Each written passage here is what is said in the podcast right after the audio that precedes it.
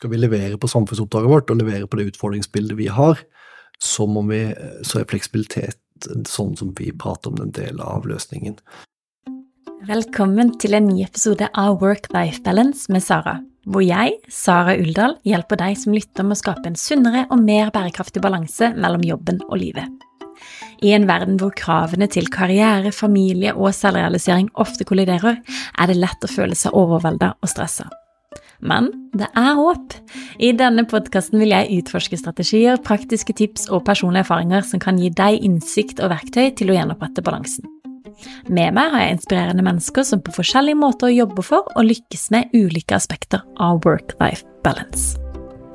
I denne podkasten ønsker jeg ikke bare å inspirere ansatte til en bedre work-life balance, men også gi litt inspirasjon til arbeidsgivere om hvordan de kan omfavne fleksibilitet i det moderne arbeidslivet. I denne episoden har jeg fått med Knut Lindland, som er fylkesdirektør for innovasjon og organisasjonsutvikling i Agder fylkeskommune. Og han er prosjekteier når fylkeskommunen skal flytte inn i nytt bygg på nyåret. I forbindelse med flyttingen har de valgt å redusere dekningsgraden, altså hvor mange kontorplasser det er til de ansatte på bygget, fra 75 til 60 jeg og Knut skal snakke om hvilke forberedelser de har gjort for å omfavne fleksibilitet på en god måte i denne prosessen, og hvorfor de måtte ta en fot i bakken og revurdere hele prosjektet når de så hvordan folk jobbet under og etter pandemien. Og så deler Knut noen veldig spennende tanker om hvordan han tror fleksibilitet vil se ut i fremtiden. Hele denne episoden ble spilt inn i mellomrommet, og hvis du lurer på hva det er, så er det bare å lytte videre. Velkommen til dagens episode, Knut. Takk for det. Og akkurat nå så sitter vi i mellomrommet og spiller inn denne episoden. Eh, og nå kan det være lytterne se for seg diverse mellomrom, så jeg tror du må forklare hva akkurat dette mellomrommet er. Mellomrommet er en eh, prototype av det nye fylkeshuset som nå bygges eh, borte ved siden av Slottet, øverst i Markens i Kristiansand. Det er en arena for testing vi tester mange ulike elementer som skal inn i fylkeshuset. Det er en arena for øving. Vi øver på ulike deler av uh, hvordan vi vil ha det i det nye fylkeshuset. Og en, et viktig tiltak for å ta våre medarbeidere, hva innebærer dette? Når er det dere flytter? Vi overtar bygget i mai neste år. Ja. Så flytter vi vi har sagt vi flytter etter Arendalsuka. Nå får vi se akkurat om det blir uka etter eller der omkring. Ja. Men august neste år flytter vi inn. Før vi starter med å dykke ned i dagens tema, som skal omhandle dette med fleksible arbeidsformer og redusert dekningsgrad eh, på kontorplasser, eh, kan du gi oss en kort introduksjon av deg selv? Hvem er Knut, og hva er det du jobber med? Jeg er fortsatt under 40 år, litt til. Eh, jeg har to flotte gutter på tre år, som er nå på storavdeling, og seks år, og skolestarter. Vi bor uh, sykkelavstand til byen, og uh, har en familielogistikk som jeg tror mange misunner meg. og så har jeg en veldig spennende stilling i Agder fylkeskommune. jeg var med på å etablere Agder fylkeskommune fra tidlig i 2018 å bygge organisasjonen vår. Og fikk muligheten da i 2020 å, å bli fylkesdirektør eh, for innovasjon og organisasjonsutvikling. Nå er jeg prosjekteier, eller ansvarlig for si, flyttreisen til nytt fylkeshus, organisasjonsendringer. Og nå skal dere over i nytt fylkeshus, og det er jo ikke hvilket som helst flytte dere gjør, det er jo et flytte som påvirker de ansatte og deres arbeidsmiljø og rammer. Kan du fortelle litt om motivasjonen bak dette omfattende flyttet dere skal gjøre? Det starta i 2018, når vi bygde organisasjonen, eller egentlig slutten av 2017. Eh, og fleksibilitet blei ble en del av virkemidlet for ansatte, rett og slett en del av pakka for å få ansatte med fra, på en god måte fra tidligere Aust-Agder fylkeskommune, Vest-Agder fylkeskommune og Statens vegvesen inn i Agder fylkeskommune. Og så starta da, når vi var i den prosessen, så var det en del av pakka at vi skulle bygge, eller vi skulle ha et nytt fylkeshus. Og da, allerede fra starten av, så var fleksibilitet en sentral komponent. Men fleksibilitet har endra seg veldig fra det vi prata om eh, i 2017, når det handla om å kanskje få litt hjemmekontor eller reiseavstandsdiskusjonen, til, til, der vi diskuterer fleksibilitet i dag, og det vi, det vi bygger for. En, en, helt annen eh, skal vi si, fleksibel hverdag. Mm. Og det har vært en, uh, gjennom flere beslutningsprosesser, også politisk, og som har skapt ganske mye usikkerhet i organisasjonen vår. Uh, men vi har veldig troen på at den måten vi tilnærmer oss fleksibilitet på, i et, både i en organisasjon, men også i, en, i fylkeshuset, er det beste vi har akkurat nå. Mm. Det er nok ikke løsninger på lang sikt, men det er det beste vi har akkurat nå, for at disse tinga er så i bevegelse. Kan ikke du nå fortelle litt, hva går dette prosjektet ut på? Hvis vi begynner med bygget som sådan. Bygget er jo et bygg som har innarbeida fleksibilitet. Konstruksjonen, måten vi bygger opp etasjene på, med plassering av vinduene, ut av utforming av ventilasjonsanlegg, strømstøpsle, lys, er tilrettelagt for vi kan endre innmaten i bygget. Altså vi kan endre veggene og dørene eh, veldig enkelt. Så, så bygget eh, er av en størrelse og karakter som gjør at vi kan eh, ha mange ulike arbeidskonsepter. Det starta med at vi skulle ha 70% det vi kalte minlandskap, og 30% cellekontor. Men at vi skulle ha mulighet til å gjøre det også motsatt. 70% cellekontor og 30 min landskap. Men så var vi gjennom pandemien, og så begynte vi å se på hvordan folk brukte kontorene, hvordan folk jobba i pandemien og etter pandemien, og tenkte vet du hva, dette er ikke riktig. Dette, mm. dette her eh, det, de dataene, de, de, erfaringsrapportene vi fikk fra samarbeidsprosjektene vi hadde, eh, de rådene vi fikk, var at dere går i Vi blir kritisert for å si feil retning, men, men, det er ikke dette dere trenger, det er ikke dette vi trenger som organisasjon. Og da gikk vi en ganske, ganske krevende, men viktig runde i rundkjøringa. Og, og, tok en runde på rom- og funksjonsprogrammet, og så vet du at det vi trenger er et rent aktivitetsbasert konsept. Et konsept som er mye mer i tråd med den fleksibiliteten vi ønsker i organisasjonen. Og reduserte dekningsgraden fra 75 til 60% når vi gikk forbi bygget i stad, så pekte du på vinduene og sa de er, om ikke hovedrollen i bygget, så er de viktige. Og det sa du nå, dere kan justere på rommene. Si litt mer om, eh, om dette med hva er permanent, og hva kan man flytte på i, i den løsningen dere har sett for dere nå? Mm. Um, diskusjonen i, i, vår organisasjon uh, har bevega seg betraktelig. Før så diskuterte vi og hadde en stor usikkerhet rundt dekningsgrad. Men, mens dekningsgrad, som jeg, sier, som jeg, sier, det er egentlig bare å skru opp flere pulter. Vi kan øke dekningsgraden i noen etasjer alle etasjene ganske enkelt med å supplere med flere pulter. Men så kan vi òg si at vet du hva, øh, vi trenger ikke mer dekningsgrad, men vi trenger flere av den romtypen. Vi trenger flere støtterom. Uh, og så kan vi gå inn i diskusjon med de avdelingene som, som bor i etasjen. Altså, hva, hvordan jobber dere? Er det tomanns-, tremannsrom, altså multirom som vi kaller det, eller er det, er det mer sånn enmannsrom, det vi ser på Vi bruker ikke begrepet cellekontor, men, men det som er mer sånn tilrettelagt for én person. Mm. Um, og så kan vi gjøre det i indre kjernen, altså der det ikke er lys, men da kan du ikke ha det som en del av varig Det er ikke en godkjent arbeidsplass, eller vi kan ta vindusplassene og bygge den type rom. Jeg er ganske sikker på at uh, de ulike etasjene vil se litt ulike ut fem år etter vi flytta inn. Mm. Uh, fordi at vi ser at vi har litt andre behov underveis. Eller vi vokser, eller vi reduserer, eller vi omorganiserer oss. I dag så har jo dere kontorlokaler i et uh, ganske lite arealeffektivt tidligere sykehus. En av de store endringene når dere nå flytter over til nye lokaler, er jo at det blir free seating, og ikke noe personlig kontorer sånn som dere har hatt før.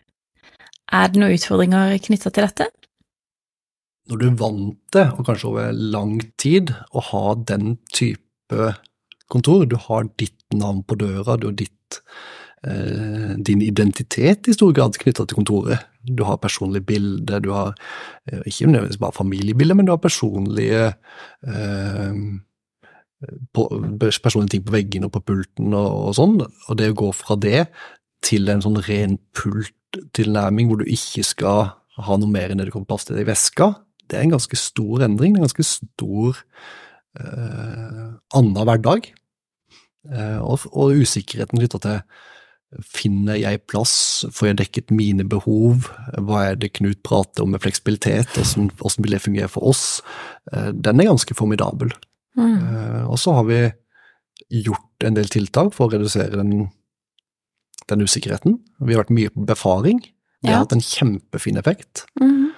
Og så så vi at veldig mange på disse befaringene anbefalte å, å øve eller bygge et område, gjøre et område sånn at de kunne se det. og da uh, tok vi litt mye Møllers Tran, så bygde vi mellomrommet som er en liten halv etasje av det fylkeshuset. I dag så vet vi jo at et bredt spekter av arbeidstakere ser på fleksibilitet som helt essensielt for å få til en work-life balance. Og en fylkeskommune er jo en organisasjon som mange nok tenker på som ganske tradisjonell. Og derfor syns jeg det var så gøy når dere hadde dette fokuset på fleksibilitet, og det er jo veldig bra employer branding fra deres side.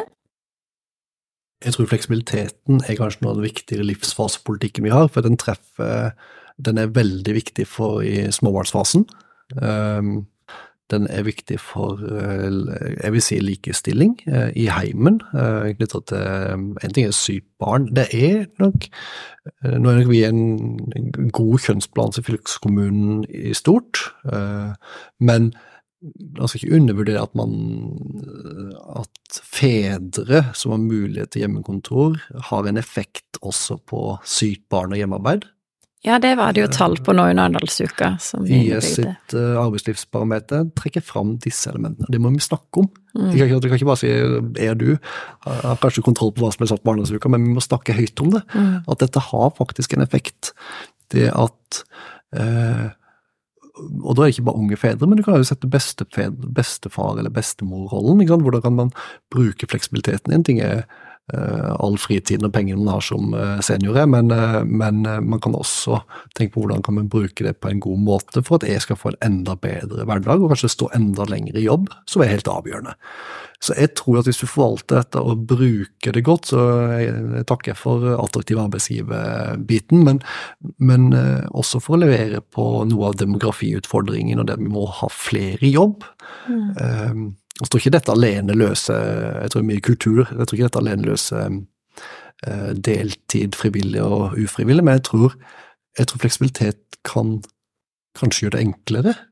Uh, og så må vi, vi må vi må fortelle historien. Vi må oversette det sånn folk ser sammenhengen mellom en fleksibilitet og da det å kunne jobbe 100 og samtidig ikke, ikke stresse om morgenen eller på ettermiddagen, men, men forvalte det. Da kommer arbeidstid som en viktig komponent i fleksibilitet. For at arbeidssted løser bare noe. Nå er jeg inne på et mer sånn livsfaseperspektiv, mm. og da må du også snakke om arbeidstid og fleksibilitet knyttet til arbeidstid. Yeah. Der er vi ikke så modne ennå, men uh, vi, vi, jobber mye med det også her, uh, som en del av prosjektet. Ja, men Si litt mer om hva, hvilke tanker dere har gjort om akkurat det med arbeidstid, da? Arbeidstid eh, tradisjonelt sett er jo veldig kjernetid. Og da er vi tilbake igjen til vi slo sammen fylkeskommunene, så diskuterte vi arbeidstid knyttet til reisevei. Og den, den, den, diskusjonen åpner jo også for at vi kan diskutere arbeidstid som en del av fleksibiliteten. Hvordan Eh, hva kan man bruke arbeidstid, hvordan kan man fargelegge litt utenfor den kjernetidsbiten.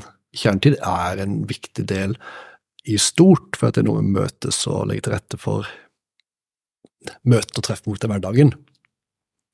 Men samtidig så, eh, hvis du legger til rette for en fleksibilitet på arbeidstid, så, så får du mulighet til å levere ungen design, du kan hente tidlig, du kan eh, ta, som jeg sier, eh, i Agder fylkeskommune skal alle trene i arbeidstiden men du gjør det som en del av fleksibiliteten. Ikke nødvendigvis for at det er en eh, klokka det og det, eller som en ansatt gode, men som en del av fleksibiliteten. Og samme måte er det når du jobber på Noen ønsker å vet du hva, jobbe seks-syv timer, og så jobbe heller en time eller to en dag i uka på, et, på kvelden etter ungen lagt seg. For det som er viktig for meg, der jeg er nå, det er å levere ungene på et ikke heseblesende. Kunne hente dem på et akseptabelt tidspunkt. Eh, jeg kan ingenting om fotball, men jeg er fotballtrener. Eh, det å kunne være til stede i den tiden, og så med å jobbe én eller to timer fra åtte til ti en dag i uka, eller to dager i uka, for å skape det handlingsrommet i min hverdag. Eh, men da er du inne på et område som er litt mer vanskelig å prate om. Mm.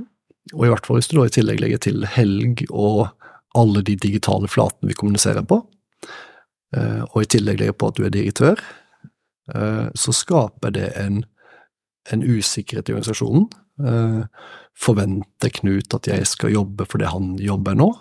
Det er noen sånne, sånne type ting vi må prate om. Og så har du trender som går nå, hvor jeg husker ikke noe Portugal eller Spania som sier at det er forbudt for arbeidsgivere å sende e-post til ansatte etter et visst klokkeslett. Okay. Det er en vakker tanke, mm. men jeg mener at du da du fratar fleksibilitet. Ja. For da tvinger du arbeidstakere til å jobbe kjernetiden. Mm. Så, så den, det at vi må prate mer om dette Jeg har ikke løsning på dette, for jeg vet at dette er vanskelig. Uh, og, men, uh, men, det er klart at når jeg sitter på søndag kveld og jobber, for da har jeg min tid og mulighet for det, så er det mange ganger du må sette på sånn utsatt levering. Og så sier jeg ja, må jeg det? Eller må du eh, ta kontroll på din eh, e-postvarslinger, så du tar kontroll på din hverdag? Mm. Dette er vanskelige diskusjoner. Mm. Jeg er arbeidsgiver. Mm. Eh, jeg kan skape en ganske um, tilsynelatende ikke, ikke, med meninga, men en, en, forventning om at jeg, jeg, jobber nå, så jeg forventer at du jobber nå.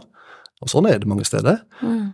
Men igjen, hvis vi sier det er ikke det det handler om, det handler om Men hvis du tilfeldigvis også jobber nå, så kanskje du har satt pris på ta og få den e-posten ikke på utsatt levering halv ni på mandag, men at du får den da.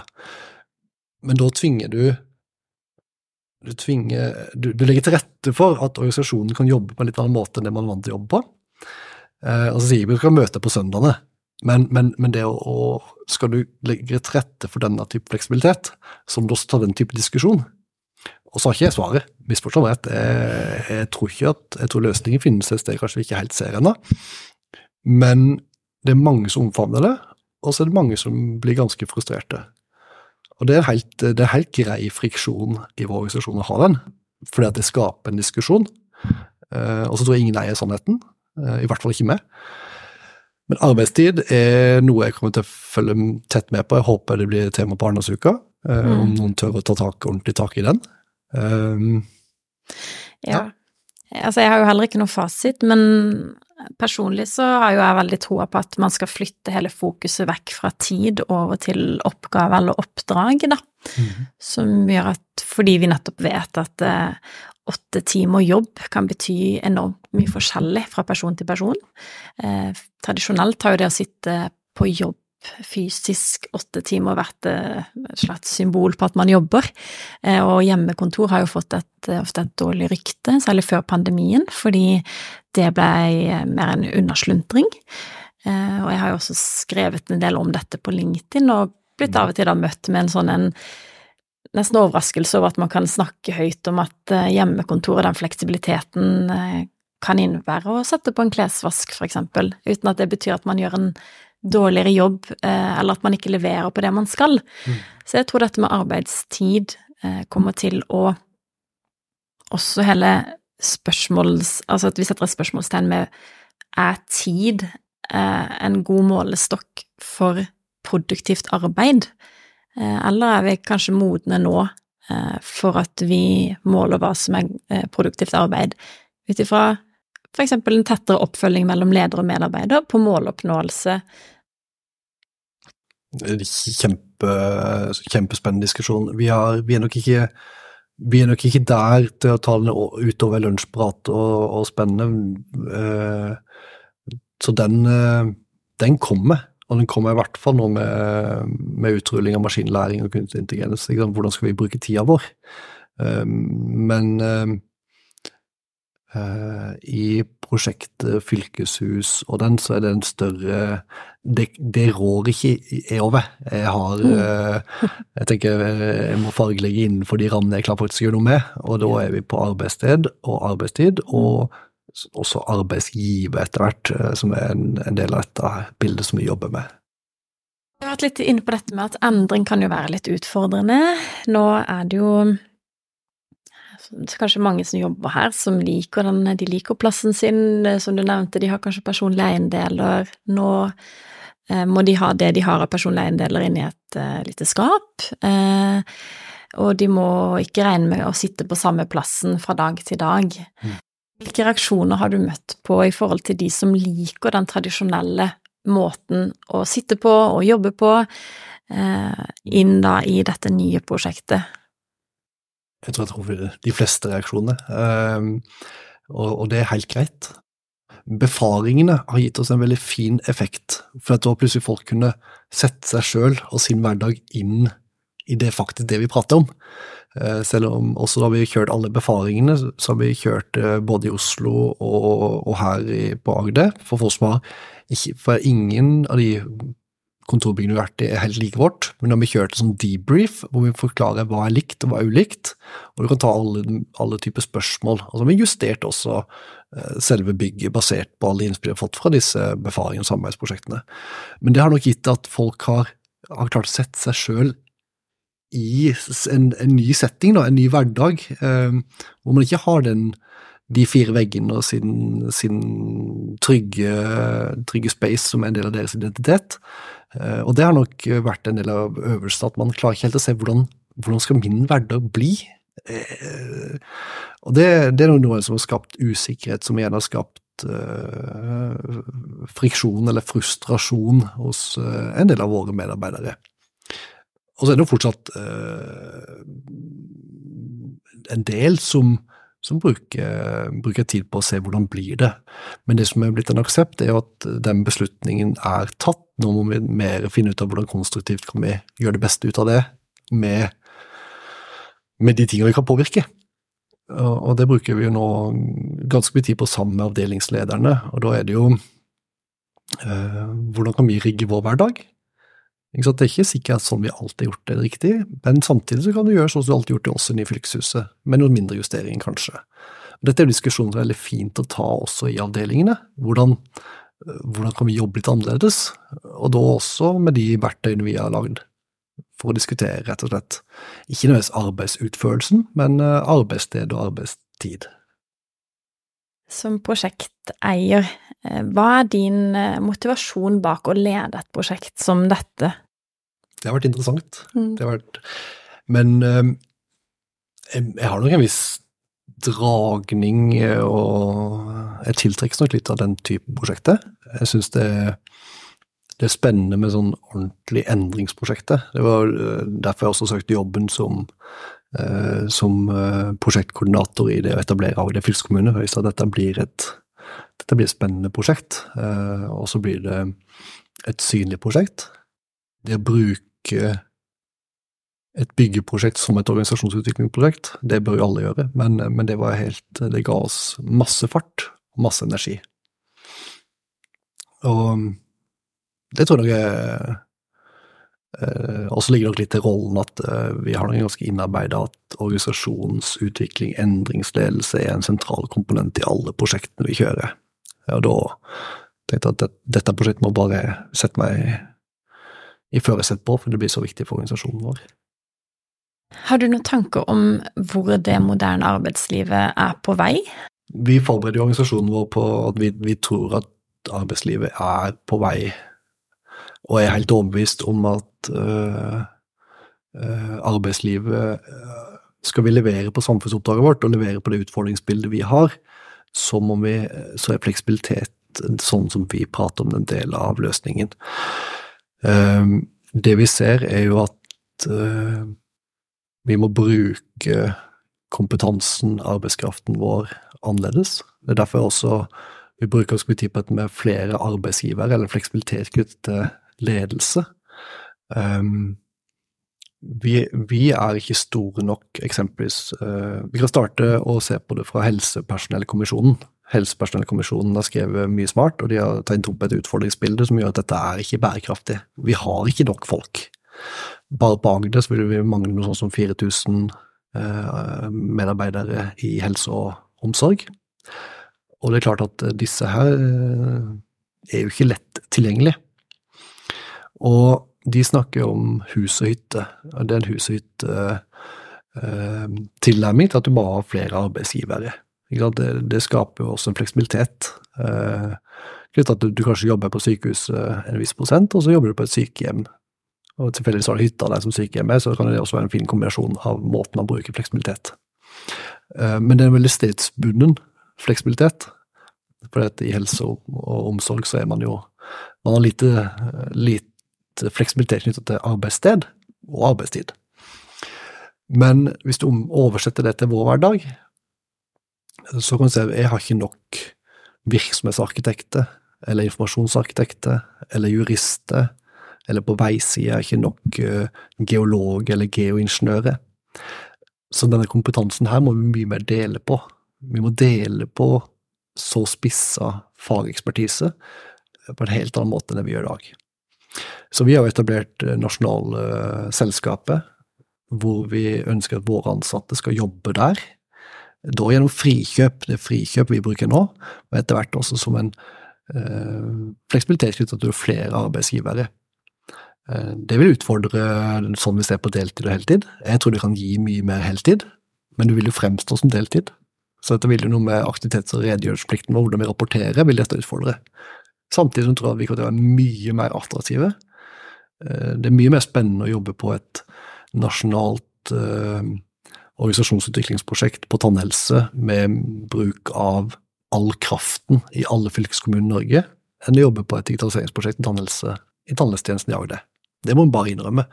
Uh, og da kan du jobbe fra hvor som helst. Og da må du ha ledere som kunne lede gjennom hybrid ledelse og fjernledelse. Og da er vi tilbake til arbeidsstedsdiskusjonen. Så, så, igjen, denne, denne, delen av fleksibiliteten den kommer til å komme, om vi vil eller ikke, og vi trenger medarbeidere, og, le, og særlig ledere, som klarer å lede på den måten. Fordi at de du leder, vil ikke sitte på nabokontoret i fremtiden.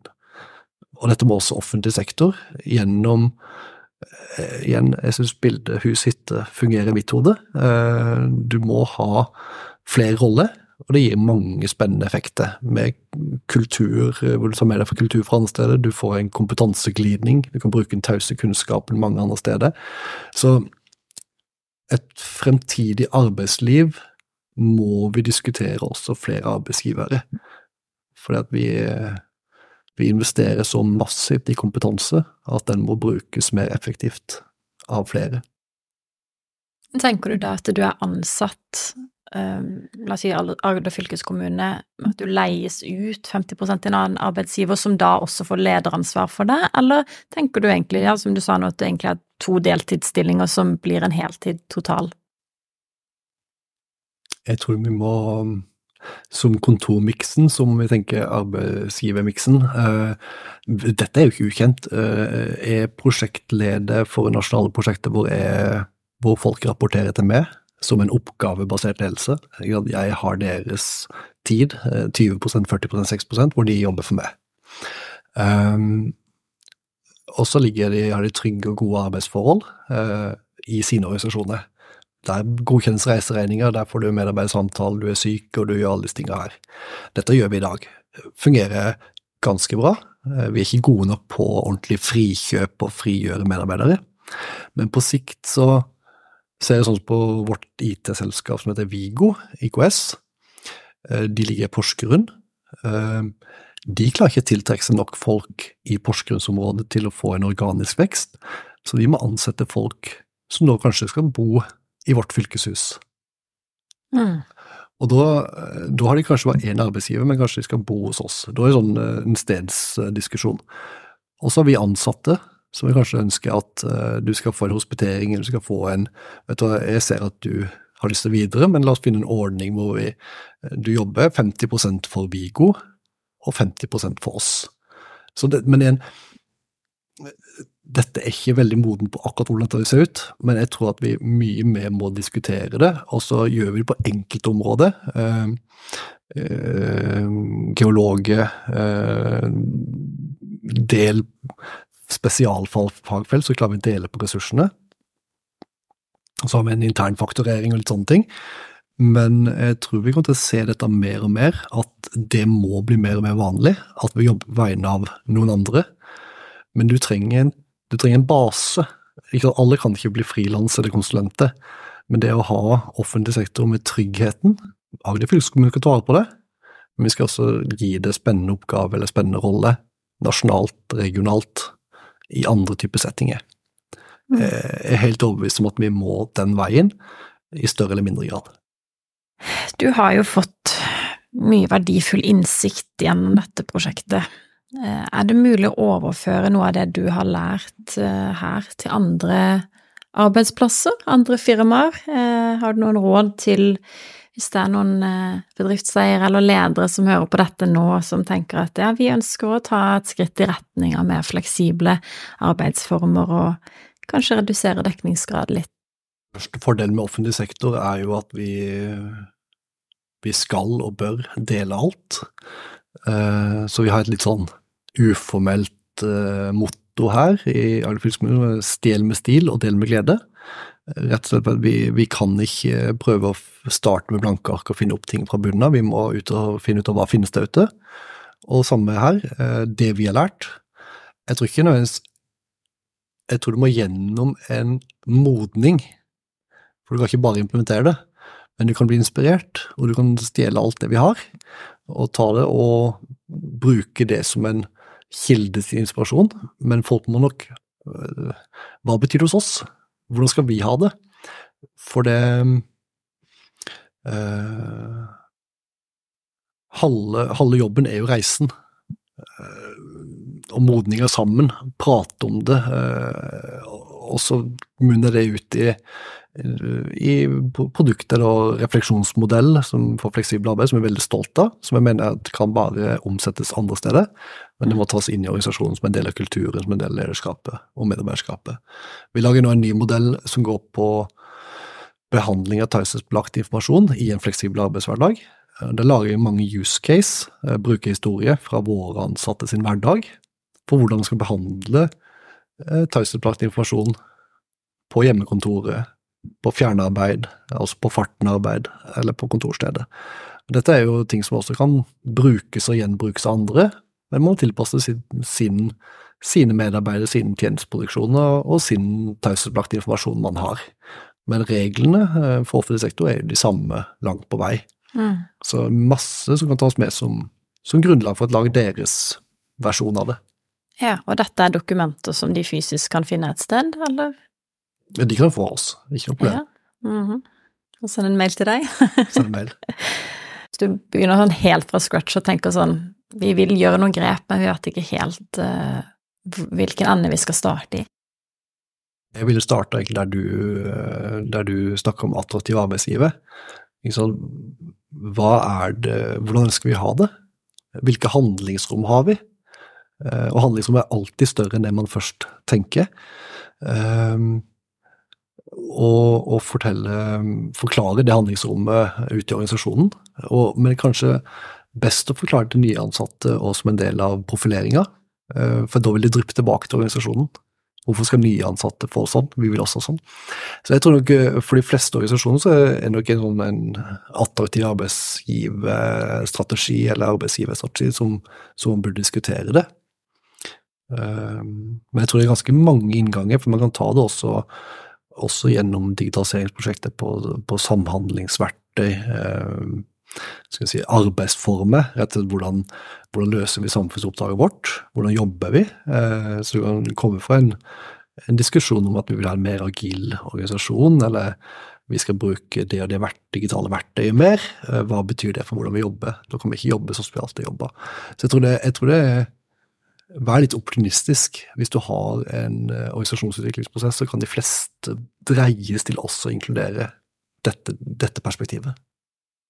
Er det noe mer du vil legge til før jeg avslutter? Helt sikkert. Men det får ta neste gang. Knut, tusen takk for at du gjesta dagens episode. Eh, jeg ønsker deg masse lykke til videre med selve flyttingen eh, på nyåret. Takk skal du ha. Selv takk. Noe av det mest inspirerende jeg tar med meg fra dagens episode med Knut, er hans tanker om hvordan vi må bruke kompetanse og arbeidskraft annerledes framover, og at fleksibilitet er en del av løsningen for å møte det utfordringsbildet vi står ovenfor. Ser vi ut i verden, så er jobsharing et hett tema om dagen, altså at to eller flere personer deler på én stilling. Og ser man dette i lys av den kompetansemangelen som Knut snakker om, så kan jo både arbeidstakere og arbeidsgivere ha mange spennende muligheter foran seg framover. Takk for at du lyttet til dagens episode. Jeg håper du har fått noen tips eller gode råd som du kan begynne å ta i bruk i ditt eget liv allerede i dag. Hvis du har noen tilbakemeldinger, vet om en person som hadde passet perfekt som gjest, eller har forslag til et interessant tema, så send meg gjerne en melding på Instagram at Sara Uldal eller på LinkedIn. Og du, husk å abonnere og følge i podkastappen, slik at du også får med deg neste episode av Work-Life Balance med Sara.